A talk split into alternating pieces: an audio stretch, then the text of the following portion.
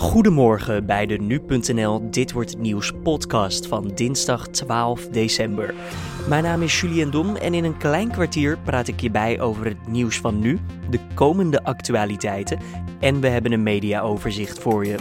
Zometeen aandacht voor de lerarenstaking en de zwaarste roeiwedstrijd ter wereld. Maar eerst praten we je bij over de weersituatie in Nederland. Het KNMI heeft code rood ingetrokken. Wel geldt nog voor vrijwel heel Nederland code geel. Het kan dan ook verraderlijk glad zijn op de weg door bevriezing van natte stukken en sneeuwresten. Rijkswaterstaat heeft met ruim 1200 mensen en 900 wagens zoveel mogelijk gedaan om de gladheid tegen te gaan op de snelwegen. Sinds zondagavond is er inmiddels ruim 7 miljoen kilo zout gestrooid op het wegdek. De Verkeersinformatiedienst verwacht alsnog een drukke ochtendspits. Ook Schiphol heeft veel last gehad van het weer. Zo werden honderden vluchten geannuleerd en moest de luchthaven met een oplossing komen voor de gestrande reizigers. We hebben in totaal 1300 bedjes neergezet. Uh, een aantal honderd achter de paspoortcontrole voor mensen die van intercontinentale vluchten komen, dus voornamelijk achter de paspoortcontrole blijven. En ook een aantal honderd of honderden bedjes hier in de vertrekhal, landzijdig noemen we dat, voor mensen die gewoon hier vanuit Nederland komen en uh, uh, nog niet door de controle zijn geweest. Voor treinreizigers is er redelijk goed nieuws. De NS start namelijk deze ochtend met de normale dienstregeling. Wel waarschuwt de vervoerder dat de problemen van maandag nog invloed kunnen hebben op het treinverkeer. Reizigers worden daarom aangeraden om kort voor vertrek nog even de app of de website van de NS te checken. En dan kijken we naar de nieuwsagenda van deze dinsdag 12 december. Ontevreden leerkrachten in het basisonderwijs onder leiding van actiegroep PO in Actie gaan vandaag staken. Basisscholen en scholen in het speciaal onderwijs in heel het land gaan één dag dicht. Maar wat zit er nou precies achter de staking en wat willen de docenten? Collega Carné van der Brink belde met Thijs Rovers, leerkracht van de Leonardo da Vinci School en woordvoerder van PO in Actie. Want wat is het plan vandaag? Ja, vandaag uh, vragen we met het hele basisonderwijs weer om aandacht voor de problematiek die er is. Um, vandaag sluiten de basisscholen hun deuren, voor de tweede keer helaas. Omdat er nog steeds niet genoeg investeringen beschikbaar zijn um, om het lerarentekort tegen te gaan. En we echt met verlies van kwaliteit van onderwijs zitten. En dat pikken leerkrachten niet meer. En echt even voor de duidelijkheid, mensen die misschien even onder een steen hebben geslapen. Want waar gaat het nou precies in jullie ogen fout? Ja, het gaat fout dat er al jarenlang te weinig middelen naar het primair onderwijs zijn gegaan. Dat betekent dat uh, het salaris voor een leerkracht uh, niet vergelijkbaar is, of eigenlijk ongelijk is met een, bijvoorbeeld het salaris van een leerkracht op de middelbare school met hetzelfde diploma. Dat betekent dat we uit dezelfde vijver vissen en mensen eerder kiezen voor een baan in het voortgezet onderwijs. Dat mag natuurlijk, alleen levert dat momenteel zoveel problemen op met bemannen van de klassen, dat er per week tienduizenden kinderen niet het onderwijs krijgen dat ze verdienen. Dus klassen worden naar huis gestuurd, klassen worden verdeeld over andere klassen, er komen onbevoegde mensen voor de klas. Ja, en als leerkrachten ergens boos om worden, dan is het als kinderen niet goed onderwijs krijgen. En dat is waarom we nu met z'n allen in actie komen. En hoe gaat die actiedag er precies uitzien? Hebben jullie weer een gezamenlijke uh, staking? Dat jullie allemaal weer op een plein uh, gaan staan of op een uh, terrein? Of gaat die er heel anders uitzien, de dag? Ja, we hebben op, op 5 oktober, op de dag van de leraar, hebben wij een, een manifestatie op het Zuiderpark. Er waren 60.000 leerkrachten bij elkaar om te laten zien dat we eh, er samen voor gaan. Deze dag hebben we ervoor gekozen om juist regionaal en lokaal meer acties te doen. Dus in gesprek te gaan met ouders, um, naar verzorgingstehuizen te gaan om daar te helpen, omdat we weten dat die druk daar ook heel erg groot is. Uh, er worden films vertoond in het hele land uh, waar mensen met elkaar in discussie kunnen over, gaan over hoe ze nu om moeten gaan met de problematiek. Um, dus ja, we hebben niet één manifestatie waar iedereen bij elkaar komt, maar de schooldeuren zijn dicht en iedereen geeft zijn eigen invulling uh, aan deze stakingsdag. En jullie zijn net een eigen uh, vakbond echt begonnen met de PO in actie. Um, ja. wat, wat zijn nou eigenlijk de grootste verschillen met de andere vakbonden als het gaat over dit soort stakingsdagen? Ja, dit soort. We, hebben, we zijn geen vakbond geworden uh, nu omdat we gaan staken. We zijn een vakbond geworden omdat wij graag de leerkrachten betrokken willen houden bij ehm, het proces rondom CAO-overleg. Dat gaat over veel geld. In het verleden is er vaak geld naar onderwijs gegaan dat niet terecht is gekomen op de werkvloer. De enige reden dat wij een vakbond zijn geworden is dat we eigenlijk willen dat we zicht blijven houden op waar gaat het geld nu naartoe en hoe kunnen we daar nu um, als leerkrachten en dan niet um, uh, alleen de onderhandelaars van de vakbonden, maar echt met alle leerkrachten, want wij gebruiken eigenlijk de stem van onze community. Dat zijn 45.000 leerkrachten. Die denken allemaal mee over hoe we dat geld het beste moeten kunnen gaan verdelen zodat die kwaliteit van het onderwijs niet in het geding is. Maar het is niet dat je, als je nog bij andere vakbonden was aangesloten, dat je dit soort stakingsdagen uh, daar niet doorheen zou kunnen krijgen. Daar heeft het niet mee te maken. Nee, daar heeft het niet, niet mee te maken. Tot, tot dusver hebben wij uh, goed overleg met alle vakbonden die er zijn als het gaat over de acties. We zitten ook samen in een PO-front, samen met de werkgevers. Uh, dus het is iets dat we gezamenlijk dragen. Deze nood wordt gevoeld door alle partijen, ook door de vakbonden. Ehm, eh, wij, zijn, eh, wij zijn daar ook onderdeel van. En wij doen dit zo lang mogelijk uh, met z'n allen. Want mm. dat maakt volgens mij ook dat het zo krachtig is. Iedereen in het onderwijs weet dat het, die met het onderwijs te maken heeft en iedereen werkt, die weet dat er middelen nodig zijn. En eh, dat spreken we zo lang mogelijk met z'n allen uit. En die, en die middelen, de, de wensen, wat, wat zijn die? Hoe luiden die inderdaad? Ja, ja, wij zijn, en dat is een beetje het vervelende van wat er nu aan de hand is. En wat ik ook wel snap waarom mensen denken, goh, jullie hebben toch al zoveel gekregen en hou eens op met zeuren. Um, ik snap dat, uh, dat gevoel heel sterk, want zo wordt het in, vanuit Den Haag en vanuit uh, de coalitie ook vaak gebracht. Het is alleen niet genoeg. Het is een beetje alsof je uh, met, met, de helft van het water dat je nodig hebt een brandend huis gaat blussen. Uh, dat doe je ook niet. We willen niet uh, blijven zeuren en we willen niet zelf alleen maar een hoger salaris. We willen 1,4 miljard voor het basisonderwijs. Dat is veel geld. Maar we hebben dat echt keurig berekend. Dat is het minimale dat we nodig hebben om genoeg leerkrachten te krijgen, om genoeg leerkrachten binnen het vak te houden.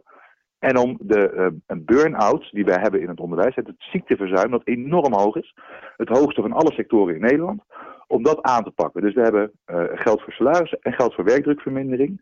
Uh, dat zijn de twee pijlers die wij al vanaf het begin waar we voor strijden. En dat is gezamenlijk 1,4 miljard. En er ligt nu de helft, waarbij gezegd moet worden dat het pas in 2021 vrijkomt. Dus we moeten nog vier jaar wachten op de helft van dat geld. En dan voorspellen wij als leerkrachten dat dan het leed al echt te ver is om het nog te gaan repareren met dat geld. En dan zullen die kosten vele malen hoger zijn. Helemaal omdat je nu een generatie kinderen die het onderwijs biedt, dat ze verdienen. En dat gaan we allemaal voelen straks. Ja, want er wordt nu minder geld dus uh, beschikbaar gesteld. Uh, alleen ook op een later moment. Dus zoals jij zei, de 2021. Ja. Er zijn wel ja, geruchten al dat deze week gaat de, de, de, coalitie en de Tweede Kamer weer erover praten. Dat ze eventueel dus die driekwart miljard eerder zouden willen beschikbaar willen maken. Zouden jullie dit dan een goed initiatief vinden als het door zou gaan? Nou, sterker nog, we zijn er heel hard uh, mee bezig om het inderdaad naar voren te halen. Ook vanuit het PO-front. We uh, zijn in overleg met de minister. Uh, we, kijken hoe we dat zo snel mogelijk naar voren kunnen halen. Maar uit de OCW-debatten van vorige week moet ik heel eerlijk zeggen dat ik dat, dat gevoel dat jij nu hebt niet echt deel. En dat ik nog niet heel veel harde toezeggingen heb gehad dat dat ook mogelijk is. Ehm, dat gezegd hebben, wil ik natuurlijk er wel voor, uh, voor pleiten dat we zo snel mogelijk aan de slag gaan met z'n allen. Om te kijken hoe we dat voor elkaar gaan krijgen. Hoe we die kastschuif, en in ieder geval die werkdruk, naar voren kunnen halen. Zodat we al direct aan de slag kunnen met uh, nou ja, genoeg conciërges in de school, klasassistenten, administratief medewerkers. Want dat is het werk dat nu leerkrachten vooral zelf doen. Als we dat al naar voren kunnen halen, dat zou in ieder geval al wat schelen voor die werkdruk. Je hoorde Thijs Rovers, leerkracht van de Leonardo da Vinci School en woordvoerder van PO in actie. Deze dinsdag staat Mark Slats als eerste Nederlander aan de start van de Talisker Whisky Atlantic Challenge, de zwaarste roeiwedstrijd ter wereld. Hij neemt het op tegen zeven concurrenten, de elementen en tegen zijn eigen lijf. De deelnemers zullen vijf tot zes weken op de oceaan verblijven en dat helemaal alleen en dan ook 24 uur per dag. Nou, gelukkig had hij gisteren nog wel even de tijd om met ons te bellen en uit te leggen waarom hij dit nou gaat doen. Ik ga, uh, ik ga een stukje roeien van uh, de Canarische eilanden van, van Europa naar uh, Zuid-Amerika, naar Antigua. Dat is wel iets meer dan een stukje, heb ik het idee. Ja, ja vijf, zeg maar, ja, het is in de rechte lijn is het zeg maar 4800 kilometer. Maar je, ja, je gaat nooit in de rechte lijn roeien, want door de wind word je soms weggewaaid en je gaat ook vaak achteruit. Dus je zou ongeveer rond de vijf uh, of over de 5000 kilometer uh, roeien. Dan is de logische vervolgvraag voor iedereen: waarom doe je dit? Ja, ik, voor de uitdaging gewoon om op, om op spierkracht naar de overkant te komen. Voor de uitdaging, voor mensen te inspireren. Ja, en voor een goed doel. En dat goed doel is? Row for Cancer. En ja, het is voor het Antonie van Leeuwenhoek Foundation. Dus een, een arts die probeert de medicijnen betaalbaar te maken voor, voor kanker. Maar is dit nou een eigen initiatief of is dit, is dit een bestaande wedstrijd? Hoe, hoe werkt het in, in Nee, het is een bestaande wedstrijd. Eigenlijk is die wedstrijd nu 20 jaar wordt die georganiseerd. Aan het begin was het niet elk jaar, maar elke drie, vier, vijf jaar. maar de laatste sinds, 2002, uh, nee, sinds 2012 is die elk jaar geloof ik gehouden.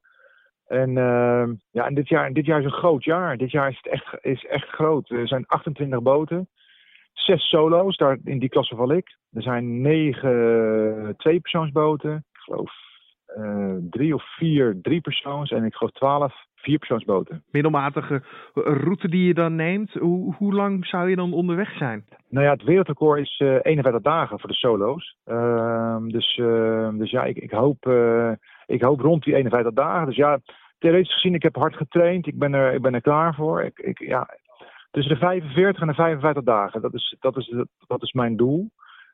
Wat ik ga proberen te halen. Ja, alles hangt van het weer af. Je kan de meest getrainde persoon op aarde zijn, maar als jij zo meteen twee weken wind tegen hebt, ja, dan wordt het gewoon 60 dagen of meer. Ja, precies. En daartussen ja. moet je ook nog slapen. Dat soort, ja, kan dat ja. ook allemaal maar door? Ja, ik ga in principe 16, uh, 16 tot 18 uur per dag, per dag roeien. De dagen dat het heel hard waait, mag ik, uh, kan ik, kan ik, kan ik uh, twee, twee uurtjes minder, kan ik twee uurtjes minder roeien. En de dagen dat het, uh, dat, het, dat het geen wind is, ja, dan moet ik echt 18 uur gaan roeien.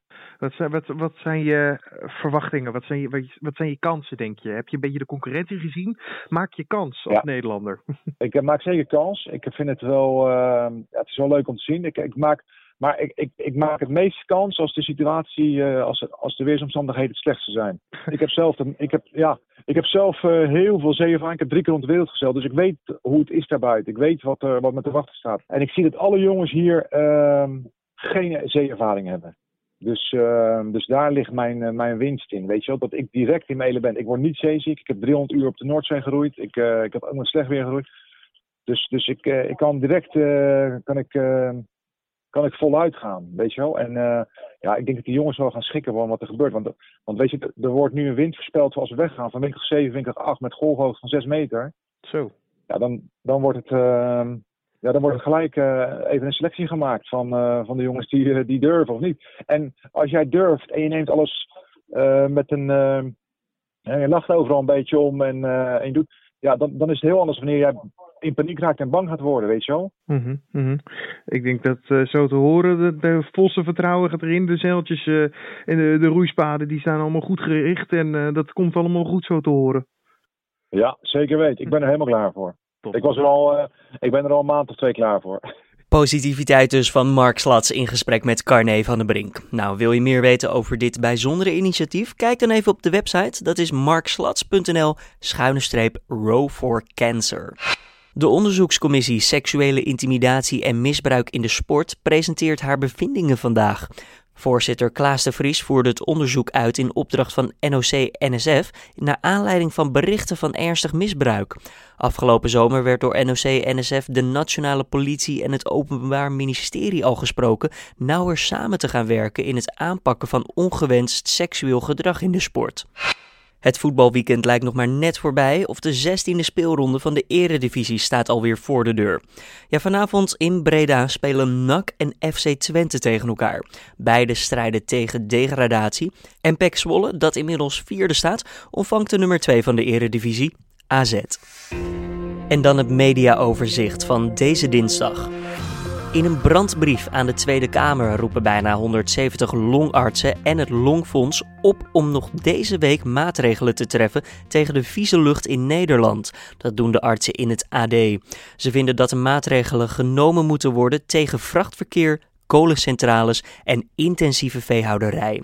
Minister van Sociale Zaken, Wouter Koolmees, spreekt in een interview met de Telegraaf over het integratiebeleid dat hij wil gaan aanpakken. Hij vindt dat hij aan de bak moet en belooft dat nieuwkomers in Nederland vanaf de eerste dag taalles krijgen. Maar verder gaat hij geen gouden bergen beloven. En nog even het weer voor deze dinsdag dan. In de ochtend kunnen er nog enkele winterse buien over het land trekken, maar later zal het wel opklaren. Het wordt zo'n 3 graden en de wind blijft matig. Nou, doordat de sneeuw niet direct is weggedooid, zal deze nog even blijven liggen. En voorzichtig, zeker in de ochtend, kan het daardoor nog glad zijn door aangevroren stukken op het wegdek. En voordat we stoppen nog even dit. Ja, het Sociaal en Cultureel Planbureau heeft onderzoek gedaan naar hoe Nederland ervoor staat. Daarvoor heeft het planbureau de resultaten vergeleken met die van een eerder onderzoek 25 jaar geleden. Nou, de levensverwachting is sterk toegenomen in Nederland, net als het opleidingsniveau en het besteedbaar inkomen. Criminaliteit is afgenomen, meer Nederlanders sporten en we gaan vaker op vakantie. Negatiever zijn we geworden over de buitenwereld, die zou namelijk verharden en ook de omgangsvormen zijn wel eens beter geweest. Dit was dan de Dit wordt het nieuws podcast van deze dinsdag 12 december. De Dit wordt het nieuws podcast is elke maandag tot en met vrijdag te vinden op nu.nl om 6 uur ochtends. En laat ook een recensie achter op iTunes of Soundcloud. We staan natuurlijk altijd open voor feedback. Stuur gewoon even een mailtje naar redactieapenstaartje nu.nl. Voor nu, tot morgen.